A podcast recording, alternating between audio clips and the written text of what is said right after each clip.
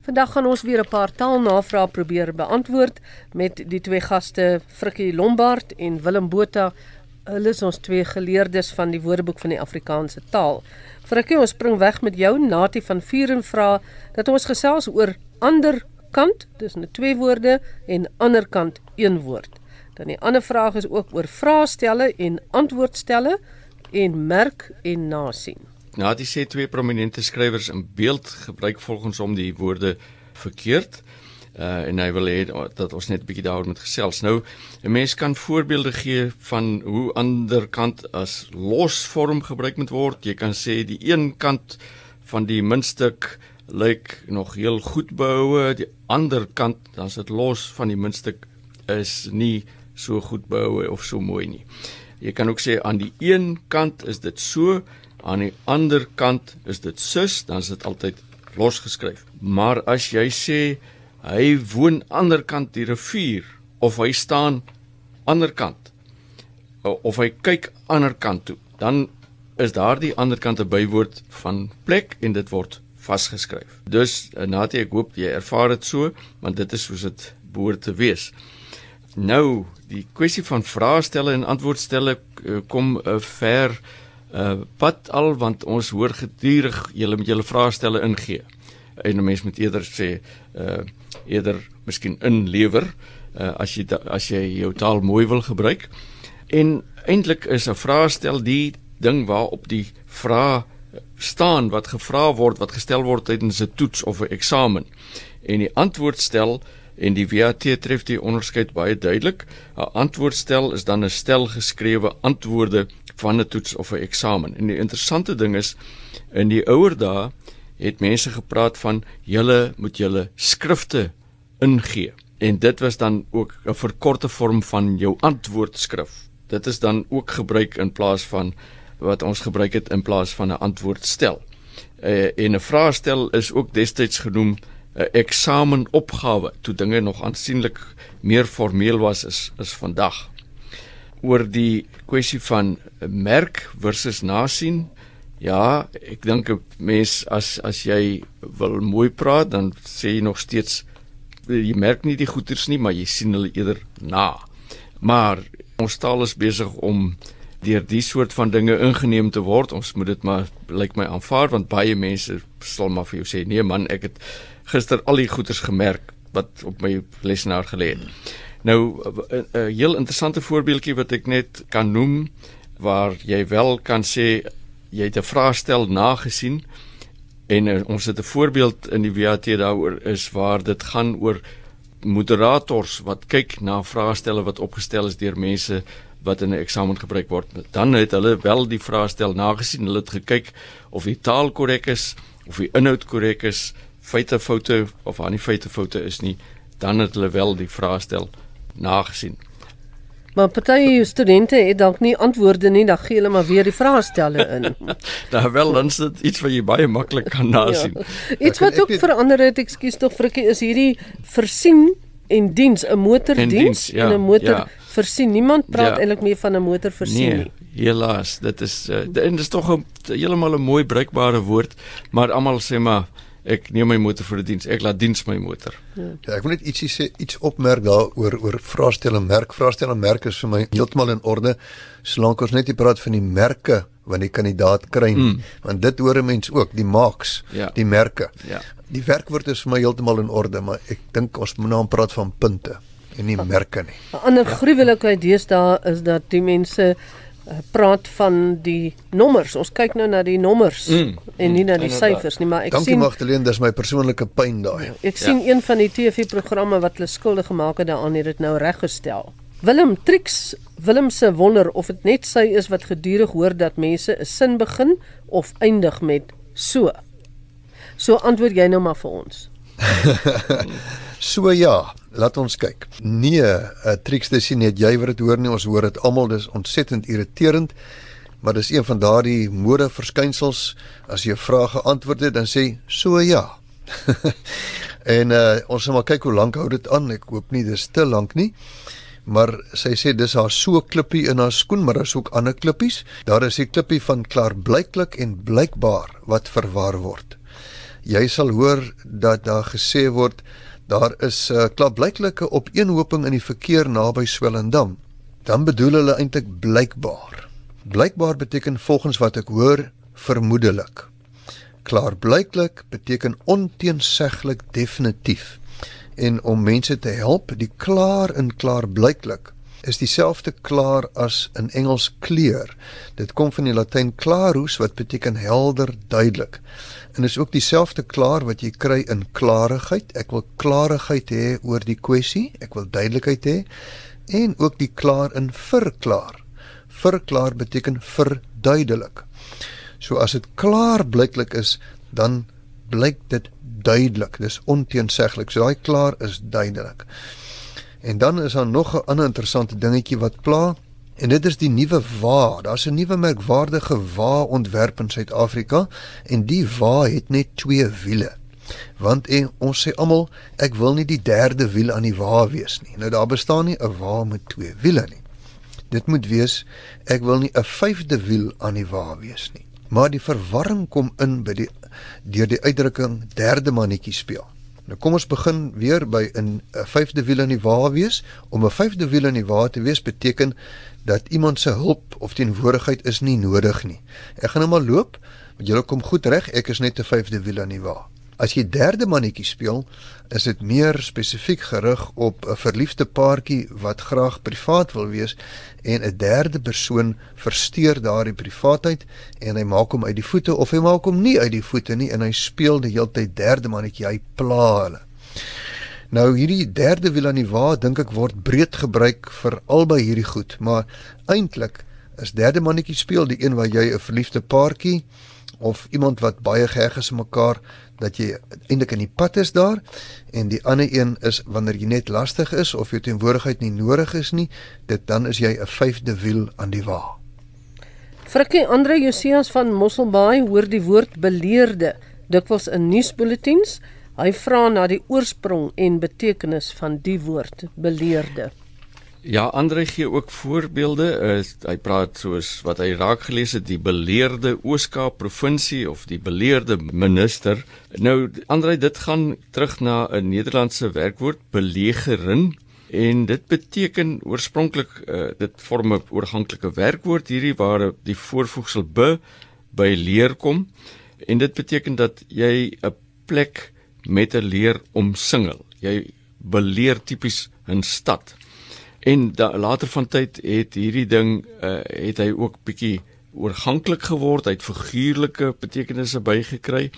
Die paparazzi kan nou byvoorbeeld 'n uh, beroemde filmster se huis beleer. Hulle staan gereed met kameras om die man arme man of dame af te neem wanneer hulle uh, verskyn.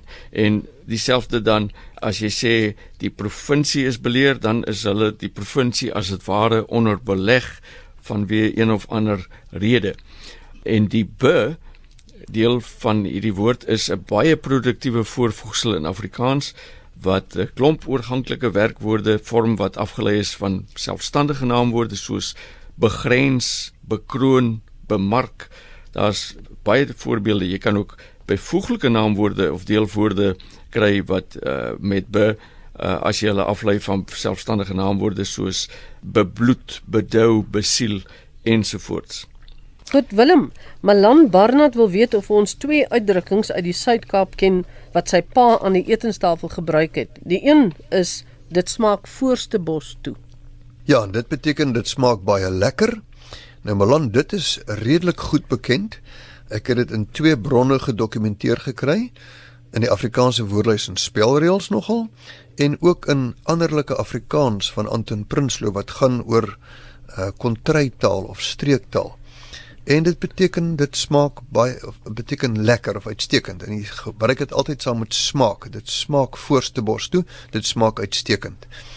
En dis veral uh, opgeteken aan die Weskus, spesifiek daar by Dwarskersbos is dit redelik algemeen teëgekom en ook in Namakoland. So voorste bos toe is bekend en is is dan nie be, uh, beperk tot die Suid-Kaap waar jy dit gehoor het nie. Die ander uitdrukking van sy pa waarna hy verwys is as hy pa lekker geëet het, het hy gesê nou kan ek doen teenoor my broer wat in die veld is. En daarmee dink hy het hy verwys na Tuka se dae toe hulle kinders was en die een broer met karige rantsoene met die vee in die veld was en die ander een by die huis hom kon versadig. Maar ek dink dis dalk 'n voorbeeld van gesinslek of familielek. Met ander woorde, taaluiting wat tipies is en beperk is aan 'n gesin. Net binne die gesin of binne die familie gebruik hulle die uitdrukking, maar miskien kom dit tog 'n breër voor en dan kan luisteraars van die Suid-Kaap maar laat hoor. Ek wonder of dit nie ehm um, ek wonder of dit smaak vorentoe wat ons nou algemeen ken, nie dalk 'n uh, afleiding is of gekom het van dit smaak voorste bos toe nie. Ja, of andersom. Ons weet ons kan wonder wat een was eerste, net dit smaak vorentoe of dit smaak voorste bos toe. Frikkie Andre vra oor 'n labirint en doolhof. Is daar 'n verskil tussen die twee? Ja, hy sê dit is na aanleiding van 'n RSG program uh waar uh, hy hy het nie 'n pyn sê hy gehad met die woord nie. Die gedagte was by hom dat doolhof meer gepas sou wees om te gebruik deur die Afrikaanse uitsaaier. Hy het daarna gevra by mense wat eh, hom raad gegee het, taalkundig ook. En volgens baie mense is dit uh gewoon sinoniem met labirint is met doolhof bloot sinoniemies. Elsa Joubert skryf byvoorbeeld oor Knossos en die legendariese paleis met die labirint waarin die Minotaurus aangehou is. Nou jy kan net sowel daar sê die doolhof waarin die dier aangehou is of die magtige ding. Doolhof en labirint vervang mekaar nie altyd maklik in alle kontekste nie. Ons sal dink ek eerder praat van 'n doolhof van strate as 'n labirint van strate alhoewel laasgenoemde dalk nie uitgesluit kan word nie. Maar so, so in die algemene gebruik loop doolhof en labirint werklik de mekaar en dit word ook so in die in die leksikografie in woordeboeke weerspieël. Maar daar is mense wat tog aanvoer dat daar 'n verskil is tussen die twee dinge. En hulle sê labirint vertaal jy dan inderdaad met labyrinth in Engels en doolhof met maze en dit is verskillende goeie. Wat die mense doen om dit te onderskei is hulle sê in 'n labirint wat tipies op 'n plat vlak uitgelê word en wat jy dikwels by wynlandgoedere deesdae aantref, kan 'n mens nie verdwaal nie jy loop net van 'n sekere punt in die ding in en dan loop jy in konsentriese sirkels min of meer tot jy by 'n punt in die middel kom, maar jy kan buitentoe sien, jy kan nie daarin verdwaal nie. Uh terwyl dit wel deeglik moontlik is dat jy in 'n doolhof kan verdwaal. Die woord doel wat deel is van doolhof beteken immers doelloos rondbeweeg dikwels omdat jy die pad byster geraak het om jy nie lekker weet meer waar jy is nie. Willem Minri van Deventer van Brei in die Kalahari wil graag weet waarom ons die warmwaterstoker 'n donkie noem. Ja, uh Minri vertel dat hulle Amerikaanse jagtoeriste in die Kalahari ontvang en op een van die plase waar hulle gaan jag, is daar 'n donkie en uh die Amerikaanse toeriste vra toe vir hulle nou hoekom praat julle van 'n donkie as dit 'n ding is wat water warm maak? En toe kan sy self nie antwoord nie. Die waterverwarmingsstelsel bestaan uit 'n vuuroond en 'n tipe ketel waarin jy warm water maak. Is waarskynlik 'n verkorting van die Engels donkey boiler. En dis 'n kleinerige stoomketel. Nou, hoekom donkie nou gekoppel word aan 'n warm 'n verwarmingsstelsel is nog 'n vraag. Maar miskien omdat hierdie verwarmingsstelsel vir lang tye aan een moet werk soos 'n donkie. 'n Donkie moet ook mos maar lank in almekaar werk. So hy doen die donkie werk van die water warm maak. En miskien die vaalheid van die buiteoond lyk miskien ook na 'n ou vaal donkie. Maar miskien kan ek net oor donkie sê, die herkoms van donkie is interessant. Ons kom dit kry van Engels donkey. En uh die die stamwoord waar is dan en dit beteken donkerbruin. En nou is die vermoede dat na aanleiding van monkey hulle toe donkie gevorm het, maar dit is maar net bespiegelings. Brei is mos daar waar fruktopre ook vandaan kom. Ja, jy weet, ehm um, as as jy vir my sê brei dan dink ek aan ou vruk. Ja. Nie dat hy gebrei het nie, maar uh, as hoop dit gaan goed met ou vruk. En ook nie dat hy 'n donkie is nie. Glad nie. So, Frikkie, Jacques de Wet vra oor die gebruik van intensiewe forme wat soms teenstrydig kan wees. Jy sê vir ons die voorbeelde gee en dan die tweede deel van die vraag ook oor die gebruik van die woord stop, soos in stop stop ek is 'n spietkop of mm. soos in stop die mishandeling van vroue en kinders. Die voorbeelde wat hier wat uh, uh Jacques gee is uh nie werklik intensiewe forme nie, maar eerder soort bywoorde soos die hy hy gebruik die voorbeeld van bitter en ons weet almal wat bitter normaalweg beteken maar as jy sê die pad is bitter lank dan beteken dit jy weet die pad is in 'n hoë mate lank. 'n bitter is dis daar 'n bywoord die kraans is bitter hoog en jy kan self so iets soos daardie koeldrank is bitter soet.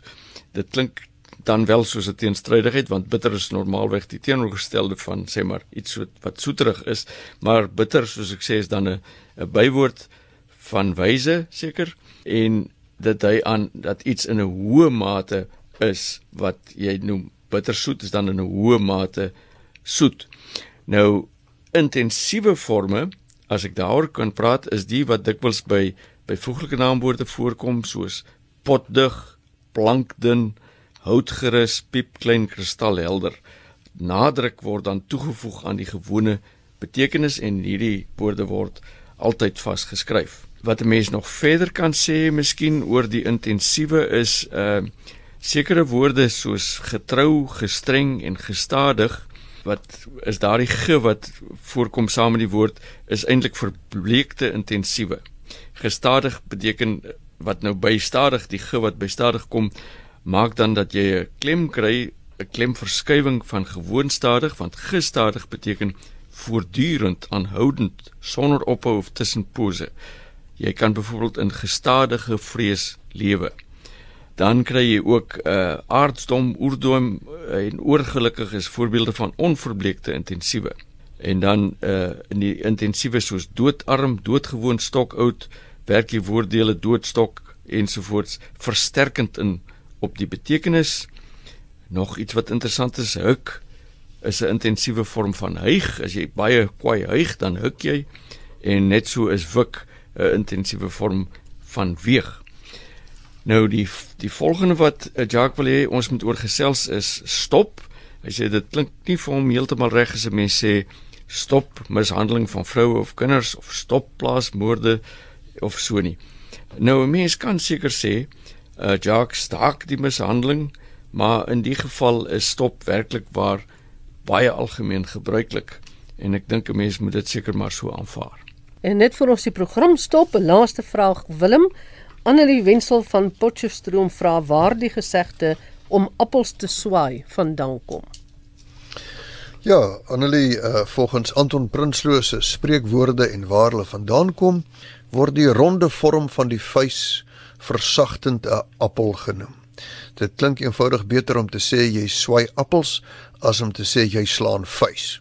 Jy versag dit. Interessant genoeg in uh, in spreekwoorde en waar hulle vandaan kom word slegs die vorm jy gooi appels gegee, maar ek dink jy swai appels uh, is meer bekend.